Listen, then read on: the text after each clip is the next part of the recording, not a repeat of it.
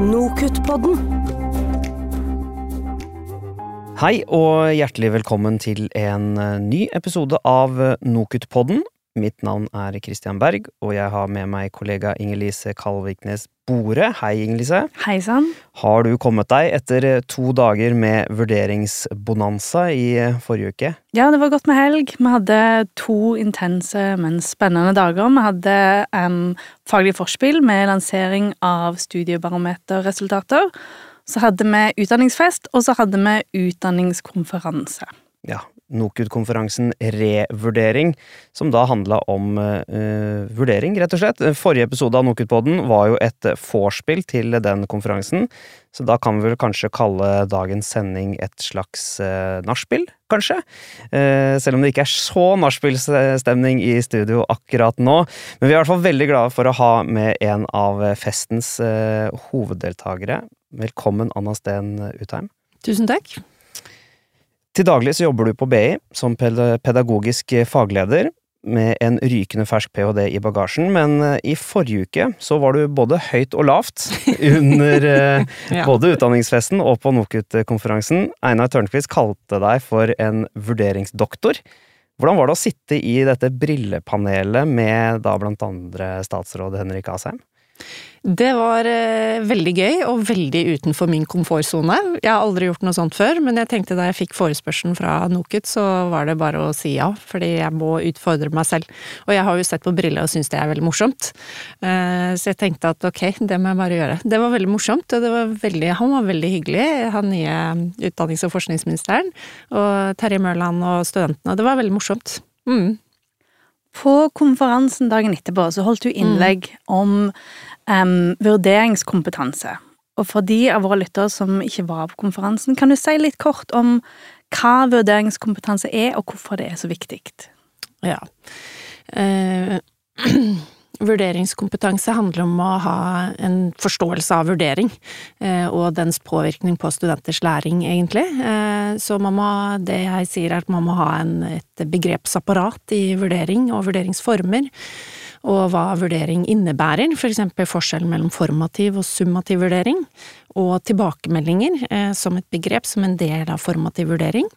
Eh, og så må man ha en verktøykasse av vurderingsformer, alternative vurderingsformer, tilbakemeldingsformer, for å kunne nettopp gjennomføre det i praksis, da. Så man må ha både liksom den litt sånn teoretiske ballasten og et begrepsapparat og en verktøykasse. Eh, og jeg tenker også det er viktig at man har det begrepsapparatet i ulike vurderingsformer og vurderingens påvirkning på læring, slik at man kan snakke med kollegaene sine om det og utveksle erfaringer og tips og råd mellom eh, fag og mellom institusjoner. Så det er sånn kort fortalt eh, vurderingskompetanse. Og hvis jeg skal si litt mer om hvorfor det er viktig, så er det jo fordi Eh, vi vet jo fra forskning at vurdering har en påvirkning på læring.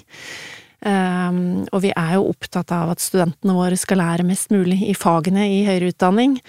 Uh, og jeg, sånn som tradisjonelt sett og historisk sett så har jo vurdering ofte vært knytta til summativ vurdering, altså typisk eksamen, uh, og ulike eksamensformer. Um, men den formative biten av vurdering er kanskje det som har fått litt sånn eh, fornyet eh, Hva skal jeg si eh, Fornyet eh, gunst, på en måte, i høyere utdanning, særlig de siste årene, på grunn av læringsforskning, og fokus over på mer sånn studentsentrerte læringsformer. Hvordan kan vi gjøre studentene aktive i sin egen studiehverdag og læringsatferd? Gjennom bruk av ulike vurderingsformer, og særlig da tilbakemeldinger, sånn at de kan justere sin egen atferd og kontrollere og tilpasse og regulere sin atferd eh, slik at de lærer mer og mer hensiktsmessig i løpet av for eksempel et emne eller et kurs. Kan du gi oss eh, noen eksempler på hvordan vurderingsformer kan legge til rette for at studentene utvikler en type læringsatferd som underviserne eh, kanskje ikke ønsker at de skal ha? Ja, det er jo typisk bare å kjøre én tradisjonell skriftlig summativ vurdering eh, i et som et eksempel da, i et fag som legger vekt på mye muntlig aktivitet. Hvis du har for eksempel mye presentasjoner at det er viktig, um, og skal lære deg i løpet av studiet eller det emnet å bygge opp en muntlig kompetanse, da, og framstille ting på en hensiktsmessig og kortfattet måte, for eksempel, systematisk måte gjennom muntlig aktivitet, og så har du en skriftlig eksamen. Det henger jo liksom ikke på greip, uh, for hva er det studentene da på en måte lærer seg? De lærer at det er det som teller, mens at de bruker i undervisningen og på institusjonen så bruker de masse tid på å øve på muntlige ferdigheter. Og det jeg vil tippe da, sånn ut ifra erfaring og det vi ser fra forskning også, er at det blir et ganske stort frafall da, i undervisningen. Eh, fordi studenter er opptatt av eksamen. Det er det jo, det tror jeg vi bare må innse, at det er viktig for dem. Det er viktig for dem å få en god karakter, det er viktig for dem å bestå. Eh, så da ser de, orienterer de på en måte læringsatferden sin etter den summative. Eh, og når, det, når aktiviteten i undervisningen, eller læringsaktivitetene, ikke har noe sammenheng med den, så i verste fall så velger de da å ikke møte på, på den undervisningen hvor det er tilfellet, da. Så dårlig samsvar um, mellom det de skal lære og den vurderingsformen, det er et problem. Så da kan de kanskje slutte. De kan òg kanskje velge skippertaksmetoden. Mm. Um, hva er egentlig problemet med den læringsformen? Skippertaksmetoden legger jo opp til at studentene leser eh, eller studerer det faget eh, kort tid i forveien før eksamen. Det er det som ligger i det begrepet. De tar et skippertak rett før eksamen. Eh, og en annen eh, tolkning av det begrepet også er at de velger, eh, gambler litt med eksamene. Hvis de har for eksempel fire-fem eksamener til jul, så velger de kanskje tre av de, og så velger de på en måte å, stå over en av de, eller ta den neste semester, eller neste gang det er mulig da, å ta den eksamen. Sånn at de kan ta ekstra skippertak på de fire eller tre som er igjen. Sånn at de akkurat står, for eksempel. Og problemet med det er jo, jeg lurer på hva som er læringsutbyttet av å forberede seg og forstå og lære et fag på den måten, da. Eh, det blir veldig eh, en oppgulp ofte av det de har lest. Uh, gjentagelse istedenfor kanskje det vi ønsker da i høyere utdanning, så snakker vi om kritisk tenkning, det å kunne analysere og forstå, ha liksom en grunnleggende forståelse av fagene, kunne anvende det. Eh, men det kommer jo selvfølgelig også litt an på eksamensformen, da, og hva som forventes i, um, av eksamensformen. Men det er sånn grovt sett skippertaksmetoden. Um, har du noen forslag om hva slags vurderingsformer en kan velge hvis en vil at studentene skal få en bedre forståelse av hva de kan, hva de kanskje ikke kan så godt, hva de bør jobbe videre med, bli litt mer um, sjølregulerte, som du snakket om? Mm. Ja, eh, det er å tidlig i kurset eller semesteret komme i gang med vurderingsformene og komme i gang med faget. Det er jo sammensatt, det henger jo sammen med mange ting, men det er også det vi snakka om nå i forbindelse med skippertakseksamen, det at det er litt samsvar da, mellom de aktivitetene man gjør og eksamensformen, og det er gjerne tilbakemeldings- eller vurderingsformer underveis. Um, så det å ha, legge opp til at studenten får jevnlige tilbakemeldinger, uh, for eksempel, slik at hun vet på hvilken vei hun er i forhold til sin egen læringsprosess, og da må jo også studenten nødvendigvis vite hva som forventes av henne i dette faget, ikke sant, læringsutbyttebeskrivelsene. Hva er det som står der, hva er det jeg skal kunne, og hvordan kan jeg på en måte regulere min egen atferd for å komme dit? Um, og når, jeg tenker at når studenten vet og er klar over disse, at det er transparent, da. Mm. Eh, på en måte At læringen er transparent. Hva er det jeg skal kunne i dette faget? Hvordan kan jeg på en måte eh, legge opp hele semesteret ut ifra hva jeg skal kunne, og hvordan eksamen er, og at eksamen henger på greip med det som skjer eh, under eh, og i undervisningen så er det enklere for studenten å regulere sin egen atferd også, og særlig da hvis hun får tilbakemeldinger underveis hvor hun vet hvor hun står i forhold til de standardene eller de kriteriene, da. Ofte så er det jo i fag så er læringsutbyttebeskrivelsene blir jo operasjonalisert ned til mere kriterier. Og den kunnskapen der, eh, når man snakker om vurderingskompetanse, fordi på konferansen så snakket jeg jo om vurderingskompetanse veldig retta mot måte, faglig stab, eller de som underviserne våre. Um, men det å på en måte gjøre Jeg tror at hos mange så er egentlig de kriteriene veldig tydelige. De vet hva de forventer av studentene, men de er kanskje ikke så gode på å kommunisere det, altså det er en slags taus kunnskap, da. Eh, så jeg tenker at det å på en måte i vurderingskompetanse så ligger det å kunne ha et begrep, da. Altså du må kunne sette ord på det, og si at nå jobber vi med dette her fordi dette er viktig Ehm, begreper, konsepter, eh, det vi kaller sånn threshold concept, altså sånn kjernebegreper, som dere må kunne i dette faget. Og det står i læringsutbyttebeskrivelsene beskrevet som bla, bla, bla, bla. Så det å kunne sette ord på det overfor studentene også, eh, gjøre på en måte læringen synlig, da. Ja, for sånne læringsutbyttebeskrivelser er jo ofte ikke skrevet på et språk som er så veldig studentvennlig. Det er kanskje ikke så greit for de å lese de læringsutbyttebeskrivelsene og vite hva de egentlig skal kunne, eller hva Nei. de skal bli vurdert på. Nei. Så det må man kanskje snakke med dem om. Mm, mm, absolutt. Synliggjøre det for ja. dem, og hva er det det egentlig betyr. Og jeg tenker en fin vurderingsaktivitet for studentene også, er jo å sitte med læringsutbyttebeskrivelsene. Hva betyr dette for meg? Og kanskje strukturere sin egen studieatferd eller læringsatferd etter det. Hva kan jeg gjøre? Eller definere hvor er det det står i pensum? Hva er det jeg skal kunne i dette faget, i pensum eller artikler, eller om det er noen uh, digitale ressurser, hvor jeg kan lære mer om dette for å oppnå det som står i læringsutbyttebeskrivelsene. Um, ja.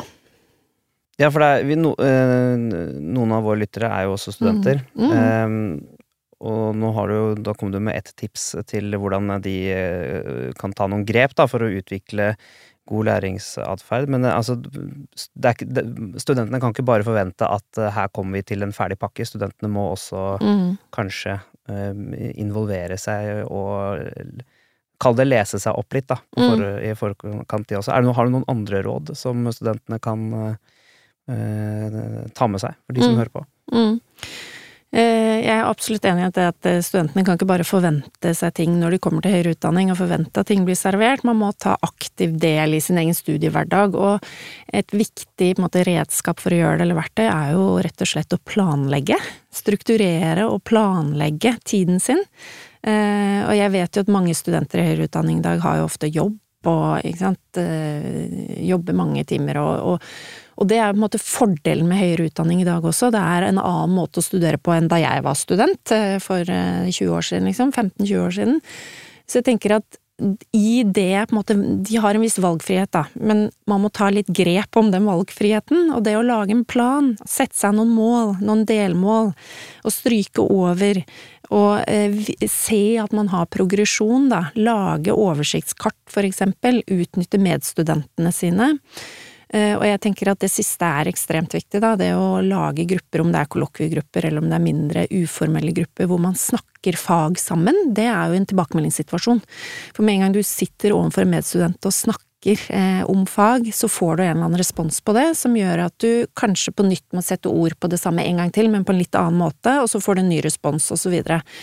Um, så det å utnytte medstudentene sine, og kanskje særlig nå mange studenter som går i store klasser, det er én faglig, altså én foreleser, du har nesten kanskje ikke noe kontakt med vedkommende. Så det å bruke medstudentene sine som ressurspersoner, da, eh, og i, i også sitt, å strukturere og hjelpe seg, lage planer, sette opp ting i kalenderen og stryke over, gi seg selv små belønninger underveis, for å bedre fordele på en måte eh, arbeidsmengden som det tross alt er da, å gå ta et kurs i høyere utdanning i dag. Mm. Mm. Eh, nå snakker vi om studentene, men hva kan eh, underviserne lære av vurderingene i etterkant? Vurderingene som studentene har eh, levert eller mm. vært gjennom? Mm.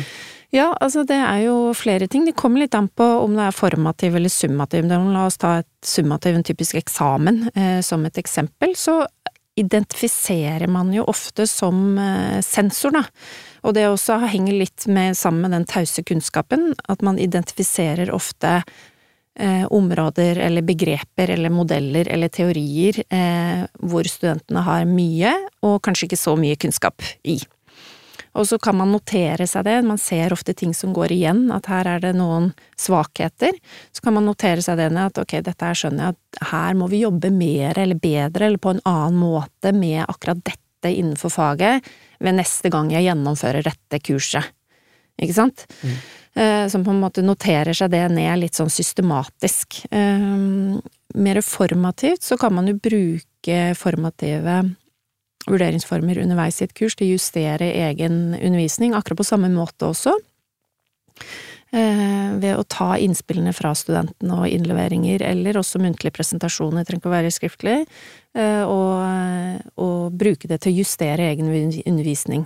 Hvis det er for eksempel noen kjernebegreper i et fag som dette her er veldig viktig, det er helt sentralt at studentene kan dette for å gå videre til neste skritt i faget, og så ser du at her er det varierende forståelser av det, eller eh, for svak forståelse av det, så vil jeg jo gått gjennom det på en gang, en gang, til, eller brukt mer tid på det, da, til at studentene forsto det enda mer. Mm. Mm. Det høres jo på en måte selvfølgelig ut, men, eh, ja. men er det sånn at det, det er liksom en, det er en terskel for noen å, å gjøre dette her? Ja, det eh, Det er et litt stort svar på det mm. spørsmålet mm. der, men jeg tror fordi jeg tror at det henger sammen med hvordan høyere utdanning har utvikla seg, da, og måte vi snakker om liksom ulike sånn paradigmer, ikke sant, at vi har gått fra et litt sånt eh, foreleserstyrt paradigme til et litt mer studentaktivt paradigme, ikke sant, at det er hvert foreleseren står i på en måte ha kontroll over læringen, kontroll over kunnskapen. Det her er satt litt på spissen, da. Jeg mm. vet jo at det ikke er nødvendigvis sånn i dag, eh, mange steder, men nå ser vi jo den bevegelsen over mot mer sånn det vi kaller sånn studentsentrerte læringsomgivelser. Altså hvordan kan vi tilrettelegge for at studentene er aktive? For det er de som må jobbe med kunnskapen, det er de som må lære seg fagene. Mens vi tidligere i høyere utdanning har vært veldig mye sånn enveis monolog, nærmest, ikke sant? Um, så, så det er et litt sånn mindshift, tror jeg, mye. Og en holdningsendring, og en kulturendring, ikke minst, som tar tid. Eh, fordi det handler om identitet også, som foreleser, og identitet som studenter. Vi vet jo at det er mange studenter som fortsatt kommer til høyere utdanning, og litt det vi snakka om i sted, nærmest forventer at de skal sitte og bli fora inn.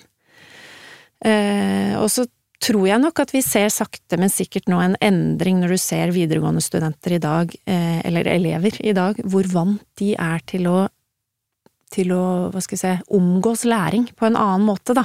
De er eh, det er mye mer presentasjoner, mye mer gruppearbeid, mye mer eh, Læreren er kanskje mer fasilitator enn en som formidler den kunnskapen som studentene må. Og at studentene kanskje er, eller elevene i videregående skole, er mer produsent produsenter av egen kunnskap enn de er på en måte konsumenter, da. Så jeg tror det er litt sånn Det er et litt stort spørsmål, eh, men jeg syns det er mye, veldig mye spennende som skjer. Um, og så er det det igjen med vurderingskompetanse, mener jeg, at vi må ha et begrep. Du må ha språk på eh, noe for å kunne gjøre noe med det, for å snakke noe om det, og for å kunne planlegge det inn i undervisningen din. Um, det, og der tror jeg vi har et stykke å gå. Ja, for på NOKUT-konferansen så var det ganske mye snakk om hindringer. Um, ting som hindrer undervisere i å velge nye vurderingsformer. De snakket mm. for eksempel om at systemene kanskje gjorde det mye enklere å velge tradisjonell eksamen, at det gjorde det vanskelig å gå vekk fra det. Mm. Det var en del snakk om at um, administrativt ansatte var bekymra for nye vurderingsformer, fordi de visste ikke helt hvordan de skulle kvalitetssikre de, kanskje. Og det var snakk om studenter som var nervøse for nye vurderingsformer, visste ikke kanskje hvordan de skulle forberede seg til de, hvordan de skulle få best vise fram hva de kunne. Har du noen tips til hvordan undervisere kan navigere disse hindringene? Hva kan de gjøre? Ja, jeg snakket jo på NOK-konferansen om at vi må vekk fra ildsjelene i akademia, eh, og det ser vi også der hvor jeg jobber på BI, at vi har hatt mange ildsjeler som har gjort mye, mye bra, eh, så all ære til de. Men jeg mener at dette er et institusjonelt ansvar. Eh, og det er som jeg nevnte også i stad, at det handler om kultur og kulturendring og holdningsendringer. Og da må man ha for det første en tydelig utdanningsledelse på institusjonene. Eh, når det er sagt, så er det jo ikke noe i veien for at eh, det kan komme initiativ fra den andre veien, eh, at man går mer samlet sammen. Og jeg tror i høyere utdanning i dag, og særlig med tanke på så store kull vi har, og sammensatt, særlig på bachelornivå, det er veldig sammensatt studentmasse eller studentgruppe med mange forskjellige forutsetninger, ulike forutsetninger og ulike behov, og ulike forventninger, ikke minst, i studentgruppen så tror jeg at vi må jobbe mye mer på tvers, og mye mer um, vi, må, vi, må, begynne å se på høyere utdanning som det er et samarbeid. For å få til god læring så må vi samarbeide, både administrasjon og studenter og faglig stab sammen, for å nettopp møte de hindringene som du nevner nå. For jeg også tror at for eksempel eksamensreglementet, eh, sånn som det også ble nevnt på NOKUT-konferansen, hva som faktisk står i i UHR-loven om eksamen, og hva som står i eksamensreglementene på de ulike institusjonene.